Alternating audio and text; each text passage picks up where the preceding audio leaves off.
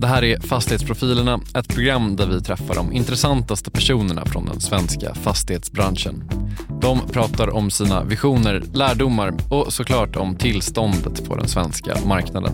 Programmet är ett samarbete mellan Ekonomipodden Kapitalet och Tessin, företaget som möjliggör investeringar i fastighetsprojekt via crowdfunding. Jag heter Gunnar Harjus. Att sätta ett marknadsvärde, definitionen på det, det är att bedöma det mest sannolika värdet. Vad, en, eh, vad man skulle komma överens om för, värde om man, eller för pris om man skulle sälja den idag. Och då måste man titta på vem är den mest sannolika köparen?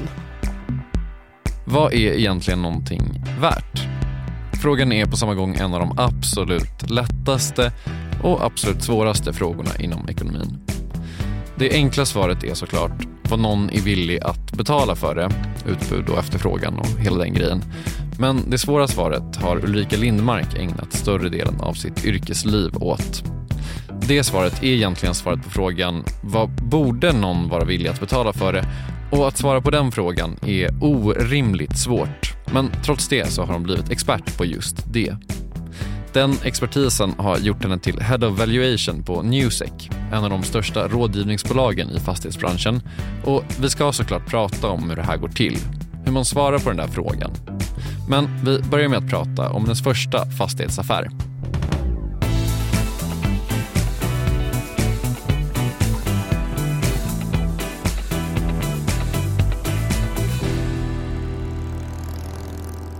Jag köpte ett, eh, ett radhus i Åkersberga. När var det? 94 kanske? V vad var räntan på då? Men räntan, jag började plugga på KTH eh, 90. Så att jag var med i när det var ja, men normalt högränteläge. Men sen så var det ju en, en jättestor eh, finanskris när räntan var uppe på 500 procent.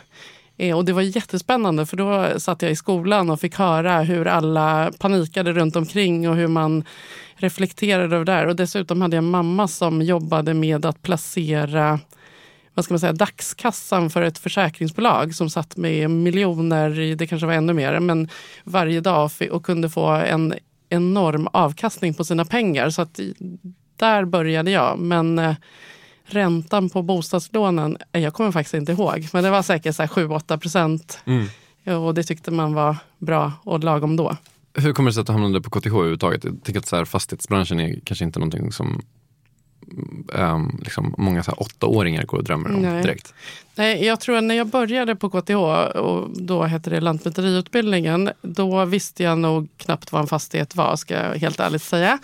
Jag eh, tyckte matte var jättekul när jag gick i eh, högstadiet och gymnasiet. Och sen hade jag tänkt att plugga juridik. Sen träffade jag en gammal klasskompis på tunnelbaneperrongen och så hade hon precis gått ett år på Lantmäteri och sålde in det till mig på grund av juridik, ekonomi och lite matte. Så då började jag på det utan att egentligen ha en aning om vad det var. Och jag är jätteglad att, jag, eh, att slumpen eller ödet ledde mig dit. Var det, var det liksom korrekt marknadsföring eller kan man liksom anmäla den här äh, gamla klasskompisen i efterhand för falsk marknadsföring? Nej, men Amanda är, var helt rätt på det. Och jag, det som hon sålde in då efter bara ett år är väl någonting som jag nästan så maniskt säger till yngre människor att sök er till fastighetsbranschen för det är en otroligt rolig bransch att jobba i. Min dotter pluggar på KTH nu men hon valde tyvärr en annan inriktning. Jag tycker att hon har gjort lite fel, men helt okej. Okay. Utbildningen förde Ulrika Lindmark till Stadshypotek och sedermera Handelsbanken som värderare. Ett jobb hon valde för att det är en bra början och en konkret uppgift. När hon väl började förstå hur komplext jobbet faktiskt var så hade den här början blivit mer eller mindre permanent. Min vanlig dag för jobbet för mig kanske inte är precis som en värderare eftersom jag är ansvarig för en, en enhet med 27 personer. Eh, så mitt jobb handlar väldigt mycket om relationer. Relationer till kunder, relationer till eh, medarbetarna och ta in marknadsinformation och, var, och liksom ha full koll på marknaden. Men om man jobbar som värderare, som jag har gjort en väldigt stor del av, av mitt liv och gör ibland också nu, så eh, man, man, får, man får en frågan om att värdera en fastighet, en enskild fastighet eller kanske en portfölj. Men om vi tittar bara på en enskild fastighet som är lättare. Då, får man, då vill man ha alla hyresavtal, om det vill säga att det är en kontorsfastighet i Stockholm. Det, den största basen för information för att värdera en fastighet är hyresavtalen. Och, och då vill man veta allting som finns i de här hyresavtalen. Avtalslängd, hyresnivåer, hyresrabatter. Det är ju en kassaflödesanalys men man måste gå ner på så låg nivå som att veta eh, om hyresgästen som är ett spelbolag, om des, deras spel går bra, om eh, ut, det går att anställa utvecklare i Sverige eller om de kommer flytta till Bulgarien, om eh, de, eh, hur deras ekonomi ser ut, om de går i konkurs, om de behöver större yta, om det är troligt att de sitter kvar, om ventilationen är tillräcklig för att de ska sitta 300 pers men när de hyrde så var det 30 personer. Så det är så mycket följdfrågor som gör att det är väldigt spännande. Och sen så till slut så bedömer man ju vad marknaden tycker att man ska betala för avkastning, eller man ska få för avkastning för att köpa den fastigheten. Så förenklar man så handlar det om värdering och få fram ett driftnetto, intäkter minus kostnader och dividera det i en marknadsgild. och då får man fram värdet. Eh, sen gör man det här på en tioårskalkyl då, och tittar på olika vakansscenarier och allt möjligt. Sådär. Men mm. om man ska förenkla så är det ju så. Ungefär som man värderar ett bolag. Jag tänkte precis säga det, det låter mm. väldigt likt liksom någon form av um, aktiespekulationsanalys. Liksom. Det, det, är nog, jag har ju inte jobbat med det, men jag tror alltså, metoden för att värdera kassaflöde och nuvärdesberäkna är väldigt likt att eh, analysera ett bolag. Men man har andra ingående parametrar, det vill säga hyresgäster är ju, hyresgästen är det som bär upp en värdering. Mm. Men en hyresgäst är en fastighet värd någonting, utan en hyresgäst är det inte värt någonting. För det handlar ju om att få in en avkastning, pengar kvar på kontot när, när året är slut. Mm. Så att all den informationen, alla de hyresavtalen, alla de driftskostnader, underhåll, de får vi in i, i Excel och har i vår det samlar vi i en informationsdatabas som vi se, sen kan använda och applicera på när vi värderar en fastighet. Då, kan vi, då vet vi vad hyran är på Kungsgatan eh, 38, fyra trappor. Eh, då kan vi säga det också genom att gå dit och titta såklart och göra en bedömning. Men vi har, vi har otroligt bra koll på marknaden genom att vi har så mycket tentakler ute. Och sen, det där är ju kanske den digitala delen av, av eh, värdering. Men sen så handlar det om att träffa kunder. För att värdera att sätta, att sätta ett marknadsvärde, definitionen på det, det är att bedöma det mest sannolika värdet. Vad en eh, vad man skulle komma överens om för, värde om man, eller för pris om man skulle sälja den idag. Och då måste man titta på vem är den mest sannolika köparen? Och för att förstå vem som är den mest sannolika köparen så gäller det att följa transaktionsmarknaden varje dag. Och eh, komma på om det är en, igen, en kontorsfastighet i Stockholm. Ja, men den troliga, mest sannolika köparen kanske är en tysk fond eller en svensk institution eller ett framgångsrikt eh, börsbolag som fokuserar på det. Men man, det gäller ju att hitta liksom vem som är den. Och när man då har kommit fram till vem som man tror är den mest sannolika köparen, då måste man liksom nästan gå in i huvudet på den mest sannolika köparen. Hur tänker den? Vad har den för placeringshorisont? Hur länge ska man äga fastigheten? Hur, vad, hur finansierar de sig? För det beror på hur mycket man kan betala vilken hyrespotential tror den mest sannolika köparen att det finns. Så att allt det här bygger på dels att man har informationen från tidigare affärer, tidigare värderingar, men också att man pratar med marknaden varje dag. Mm. Så att mitt jobb går ju väldigt mycket ut på att, att vara nära marknaden och förstå hur alla, helst alla då, det är lite svårt men eftersom det finns många aktörer, men helst alla aktörer hur de tänker, vad de skulle vara villiga att betala och varför de skulle vilja köpa den här fastigheten och hur de skulle liksom räkna på sin kalkyl. Så om man ska summera så gör du den absolut noggrannaste tillgång och efterfråga eh, analysen ni kan? Ja, precis. Med all information som man kan få både på pappret och höra. Mm eh, i, genom att prata med, med marknaden. Just nu sitter vi på Olof Palmes gata 31, våning 8 tror jag. Hur lång tid skulle det ta för er att värdera den här fastigheten? Alltså vi skulle kunna göra en snabb bedömning på några timmar, men om man ska göra, om du skulle, om du skulle vara investerare som säger så här, jag, jag vill lägga en bud på, ett bud på den här fastigheten, så, så tar det väl eh, Ja, men det tar säkert en veckas mantimmar att komma en bit på vägen. Så att en, en värdering kan ta allt från bara en dag att göra, men den kan också ta två, tre veckor för att man vill gå ner på djupet så mycket. Så det beror liksom på hur långt ner man vill gå. Mm. Uh, ju mer, ju mer uh, research och liksom, frågor man ställer, desto mer uh, rättare analys kommer man fram till. Det är mm. som att göra en DD. Liksom. Men vi brukar oftast inte göra de där jättedjupa. För det gör vi mer åt, vi gör det ofta men inte, med, liksom bulken av våra värderingar är någonting i mellanläget där vi ändå vågar stå för och känner oss väldigt trygga med värdet. Men vi har kanske inte eh, lusläst alla paragrafer i hyresavtalet. Men ni kommer inte sladda på några nollor direkt? Nej, alltså jag skulle säga att man är väldigt nära marknaden och väldigt nära... Det, det är förvånansvärt liten felmarginal, alltså plus minus-siffran som man kanske pratar med annat är 10 procent men i fastighetsvärlden så är 10 alldeles för mycket. Man, får, man måste ligga liksom ett par, högst ett par procent fel. För det är så stora värden och påverkar ju. Oftast är det liksom i ett, ligger det i ett bolag som har en börskurs som det är absolut inte okej att det ligger 7 procent fel i värde. Men, men eh, man har så mycket underlag och pratar med så många människor så att det brukar bli en, en hyfsad eh, bra bedömning. Mm. Vad är svårt med det här? Ja, ibland kan det vara svårt eh, att eh, för det är mycket affärshemligheter så att det går absolut inte bara att, att läsa pressmeddelande och eh, alltså läsa sig till informationen och ta den informationen som är offentlig. Det är väl det som är lätt i Sverige om man säger så, bara man har resurser. Så vi har, en, vi har ju ja, mer än en tjänst som bara sitter och analyserar det som går att läsa sig till. Men det som är svårare är att få information om, eh, om hyresavtal, om vad det faktiskt såldes på för nivå. För många är ju hemliga, för det är ju en, en, ett övertag åt att ha information. Så det är väl det som man får jobba lite med.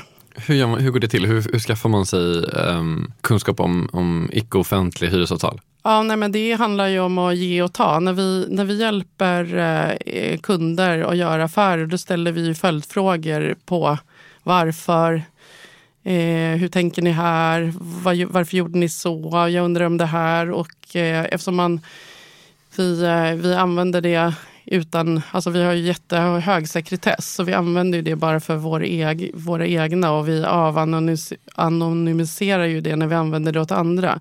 Så därför finns det ett förtroende mellan våra kunder och oss där vi får mycket information för att annars skulle vi inte kunna göra bra värderingar. Men det gäller ju också att hantera det på rätt sätt.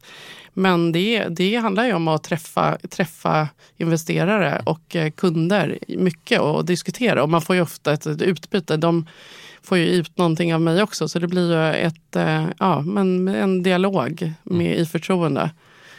Men liksom om man ska ha om man behöver komma åt den här typen av information och liksom det är ett givande och tagande, alltså blir det liksom att man bygger upp nästan någon slags nätverkseffekter? Att ju större man är desto bättre kan man göra det här? Ja, det skulle jag absolut säga.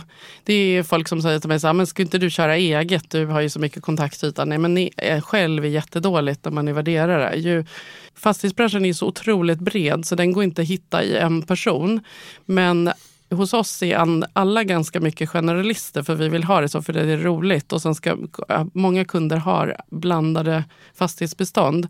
Men sen så har vi ändå någon som är jätteduktig på logistik, någon som är jätteduktig på, inom alla segment.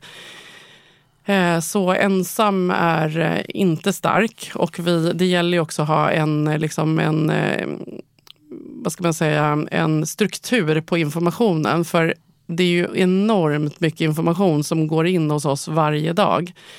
Och då gäller det att hitta det snabbt och enkelt. Kunna hitta hur, vad är hyran på den här en fastighet i Växjö på 2000 kvadrat skola. Eh, då vill man ju kunna hitta det snabbt och veta liksom att ja, men vi har ett antal jämförelseobjekt så vi är ganska säkra på vår bedömning i det här. Mm. Så nej, men det, det både liksom kunskap och bredd det är en väldigt viktig faktor. Mm. Vad är liksom det konstigaste ni har värderat? Har, har, finns det något objekt som är så här, shit, jag kan inte fatta att vi faktiskt klarade den här värderingen? Alltså det konstigaste som jag har värderat, eller mest spännande, jag var i, i eh, och har värderat en jag vet inte ens vad jag ska kalla det för. Men eh, de håller på med marinnäring, så gör allting från propellrar till fartyg till GPS-utrustning till skruvar. Eh, så jag har varit och kollat på propellertillverkning där de, eh, där de först gjuter propeller propellrarna i en sand, sandform och sen så brinnande metall ner. Så att det finns, ja, men vi värderar allt. Sen, sen så ska jag säga att vi tackar nej till sånt som är allt för konstigt som vi inte tror att vi är klara att bedöma.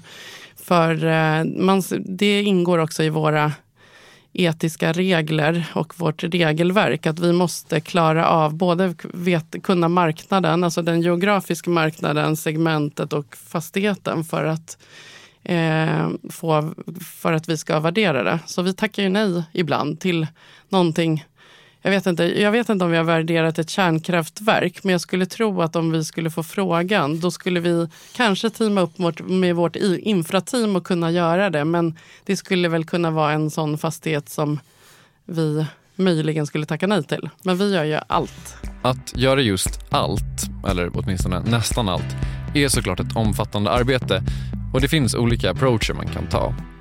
Vi har varit inne på två av dem. En mer marknadstillvänd approach där kontakter är en största tillgång. Men så finns det också den mer matematiska, formelbaserade metoden. Och Ulrika Lindmark menar att båda behövs. Sporten skulle jag säga är att förstå vad marknaden vill betala för riskpremie kan man säga på den här fastigheten. Vad tycker man? För man tänker sig, man utgår ifrån att eh, Ja, att det skulle vara en och en halv procent eh, som är utan att få något riskpåslag.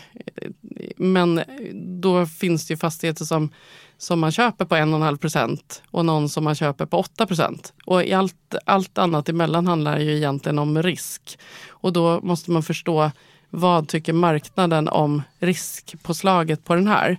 Och det är, gör man i form av att titta på liknande fastigheter och analysera dem och se vad, vad tänkte man om den fastigheten som vi tycker liknar den här. Sen finns det all, aldrig någon som är exakt samma. Alltså som man kan ha samma förutsättning men man får liksom dra slutsatser av andra affärer som har gjorts och se hur marknaden tänkte om den. När jag har fått äh, liksom förmånen att bygga det teamet som vi har så har jag försökt att eh, tänka, förutom eh, att man ska ha män och kvinnor och, och eh, olika åldrar och erfarenhet. För det kan jag säga, det är en sak som är värderare. att det är väldigt bra att vara äldre.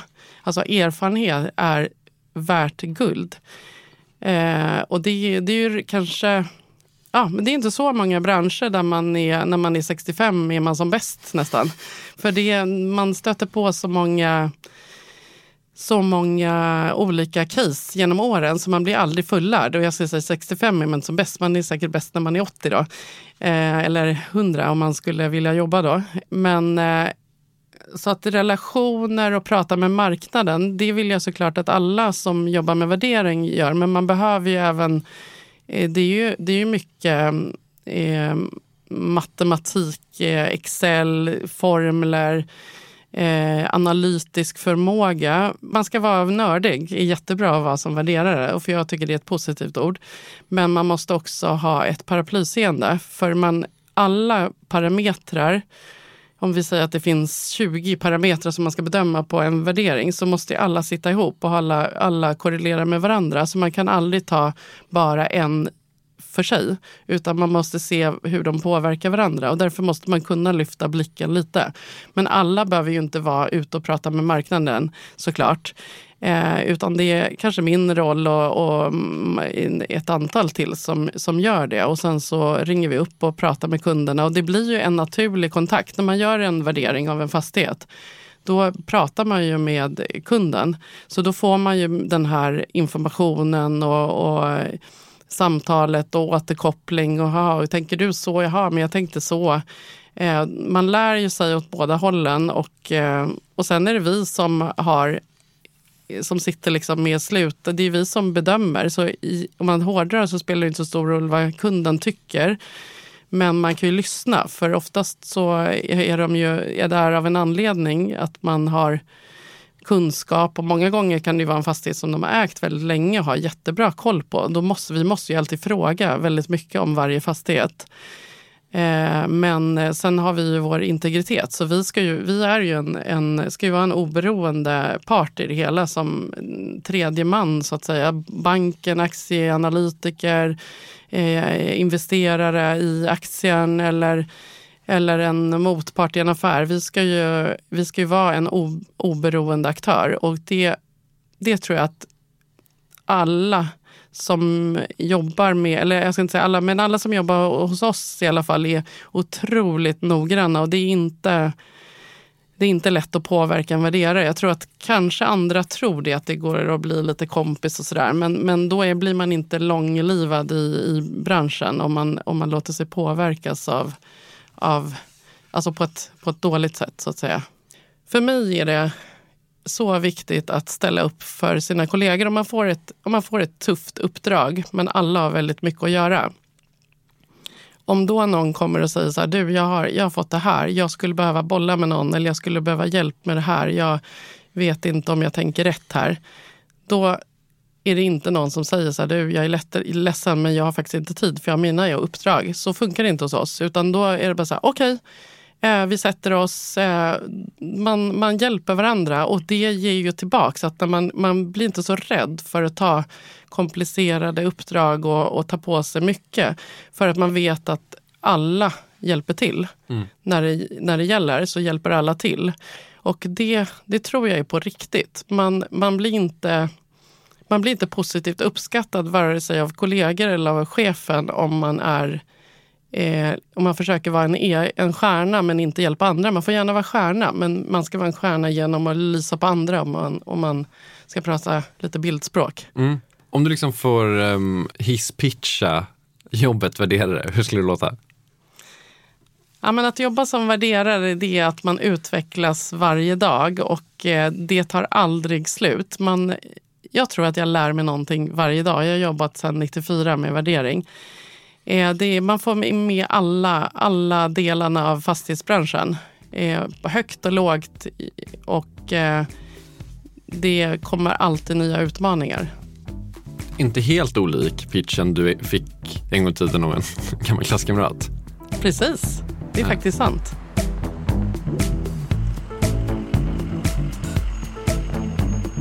Du har lyssnat på Fastighetsprofilerna som är ett samarbete mellan Ekonomipodden Kapitalet och Tessin crowdfundingplattformen där du kan investera i fastighetsprojekt tillsammans med andra och få en god avkastning på ditt kapital. Investeringarna utgörs av säkerställda lån till fastighetsbolag och möjliggör fastighetsprojekt som annars kanske inte skulle bli av.